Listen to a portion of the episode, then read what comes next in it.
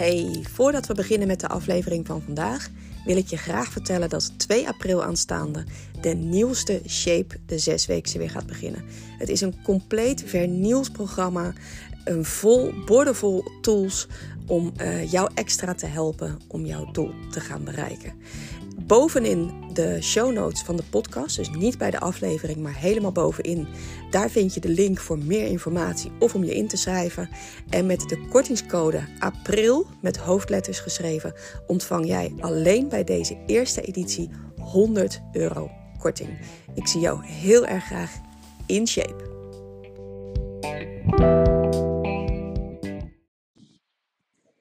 Yes, lieve mensen, de story continues. Ik heb gisteren iets geplaatst over uh, het overgewicht dat natuurlijk de pan uitreist. En uh, ook over onze kinderen. En uh, vandaag wordt er een artikel in de krant geplaatst over dat het inderdaad schrikbarende vorm aannemen is. Met de exacte cijfers erbij. Dat 25% van onze jongeren heeft op dit moment overgewicht. of is te zwaar en een gedeelte daarvan heeft obesitas. Nou, dat wisten we al. Als je om je heen kijkt, dan zie je dat dat inderdaad niet gelogen is. Nu zijn de exacte cijfers er dan aangehangen. En uh, het zal elk jaar zal dat toenemen als we niet met z'n allen drastisch in gaan grijpen. En dat begint natuurlijk thuis. Dat begint bij de ouders. Um, want daar krijgen de kinderen de eetgewoontes van mee. En ja, ik ben het met je eens. Het wordt die kinderen heel erg makkelijk gemaakt. En daarmee wordt het de ouders ook wat lastiger gemaakt om ervoor te zorgen dat kinderen uh, goed voedsel binnenkrijgen. Maar het zit hem niet in die keer dat ze voor een euro vier donuts bij de Jumbo gaan halen. Daar zit het er niet in. Als 80, 90 procent van wat ze binnenkrijgen, en dat is als het goed is thuis, als dat op orde is, als dat goed voedzaam en niet te vetrijk eten is, dan uh, krijgen de kinderen niet op deze manier zoveel overgewicht. Nou, dat artikel dat is ook geplaatst uh, op een Facebook uh, pagina van de krant. En dan vind ik het altijd heel erg interessant om dan te kijken hoe mensen daarop reageren. Welke reacties daarop komen.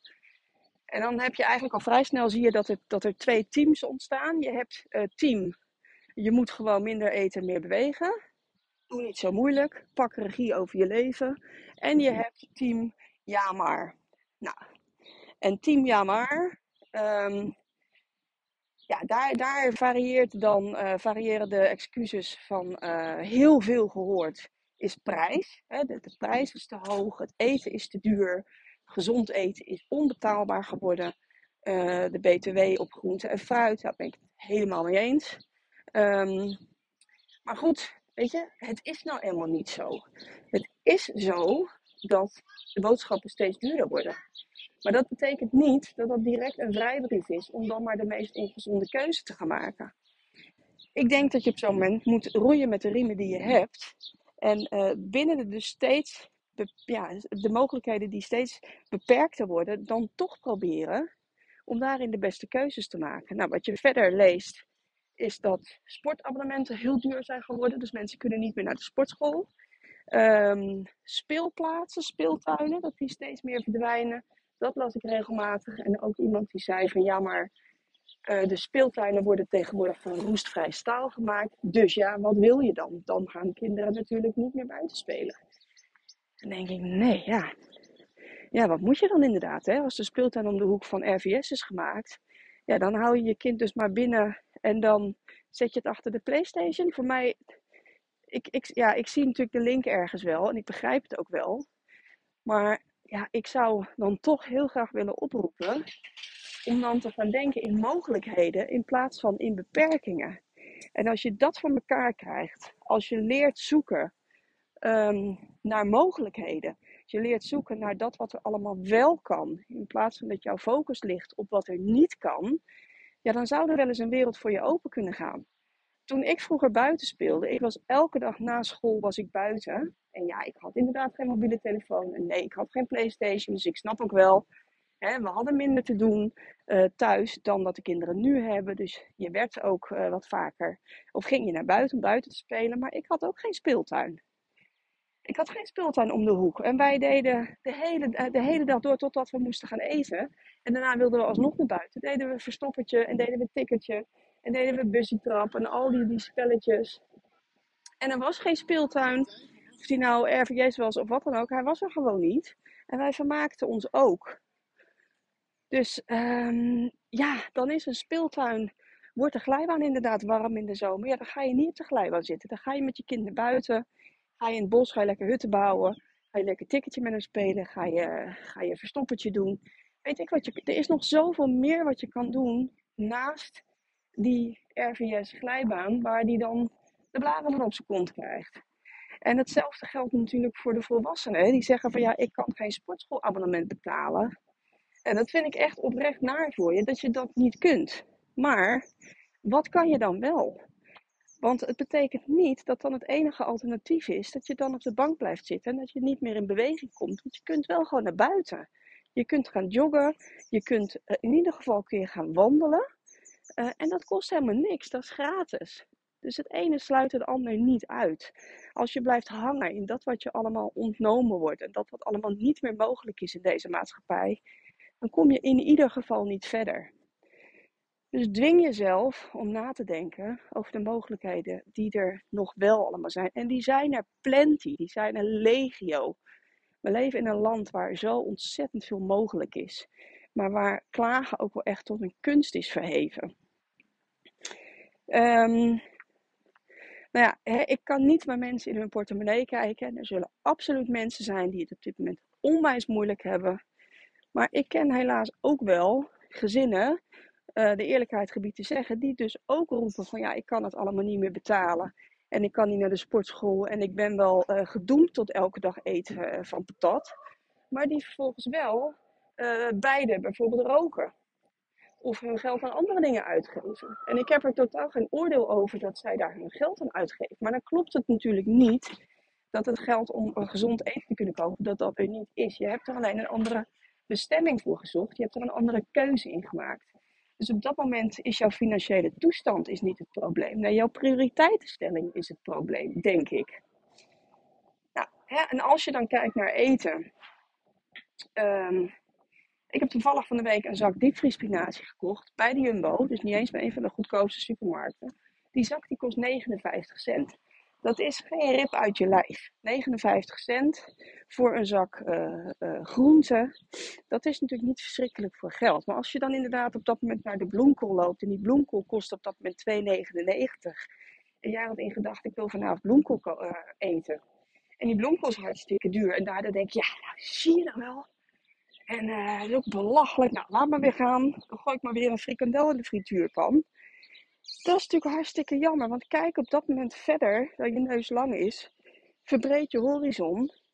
En loop eens een keer die hele supermarkt door. Of ga naar een andere supermarkt. En kijk wat er op dat moment in de aanbieding is. Wat wel betaalbaar is. Waar dan misschien iets minder gezonde voedingsstoffen in zitten. Maar alsnog meer dan in de patat en de koek en de snoep en de chips. Er is zo ontzettend veel meer mogelijk. Er zijn ook voor je kinderen eh, snacks om mee naar school te nemen. En zoveel andere dingen denkbaar. Dan die makkelijke koekjes en die, die, die zoete vruchtensapjes. En dat wat nu zo normaal is geworden en wat vroeger gewoon bij uitzondering gegeven werd. Ik ben, wat ik altijd heel graag doe is mijn vraagteken zetten bij de gewoontes die we hebben. Van Um, ja, is het nou, hè, is het, is het bijzonder? Is het, is het, klopt het eigenlijk wel dat we hier een gewoonte van zijn gaan maken? Klopt het eigenlijk wel dat we dit met z'n allen normaal vinden? Ik vind het altijd leuk om dat te onderzoeken. En ik vind het ook leuk om te onderzoeken waar dat dan vandaan komt. En waarom dat dan iedereen dat ook weer kopieert. Er zijn natuurlijk ook best wel kuddedieren. Maar als je dat voor jezelf eens doet, dat je misschien bepaalde strategieën, bepaalde gewoontes in, jou, in jouw leefpatroon hebt ingebakken en die ook aan je kinderen hebt meegegeven. En je zou daar eens bij nadenken van, ja, zou dat anders kunnen? En ja, klopt het eigenlijk wel dat ik dat zo doe? Voegt het iets toe aan de kwaliteit van ons leven? Voegt het iets toe aan onze gezondheid? Moeten we daar misschien eens een keer mee stoppen? Um, moeten we er per se aan vast blijven houden omdat het een gewoonte is? Um, of moeten we misschien toch eens overstappen naar volkoren brood in, wit, in plaats van witbrood? Ik noem maar even een zijstraat. Hè? Want dat is ook zo'n zo'n mooi onderwerp. Um, hoe vaak je ouders niet hoort zeggen van nee, ja, maar volkoren brood dat gaat er bij mijn kinderen echt niet in. Nee, nee hoor, eet alleen maar wit brood. En ja, ik denk dan, nou moet je eens opletten. Als ze honger genoeg krijgen, gaat echt dat volkorenbrood gaat er wel in. Op het moment dat er gewoon geen wit brood meer voorhanden is, dan gaan ze echt die switch wel maken. Maar daarin moet je gewoon even voet bij stuk houden. En uh, dan ben je misschien niet hun beste vriend op dat moment, maar daar ben je ook niet voor. Hè? Je bent voor hun gezondheid, je bent er voor hun welzijn. En daar hoort wit brood, wat één grote klomp lijm in je darmen wordt, hoort daar niet bij. Uh, plus, wie is degene die in den beginnen wit brood bij het kind geïntroduceerd heeft? Dat ben je toch echt zelf.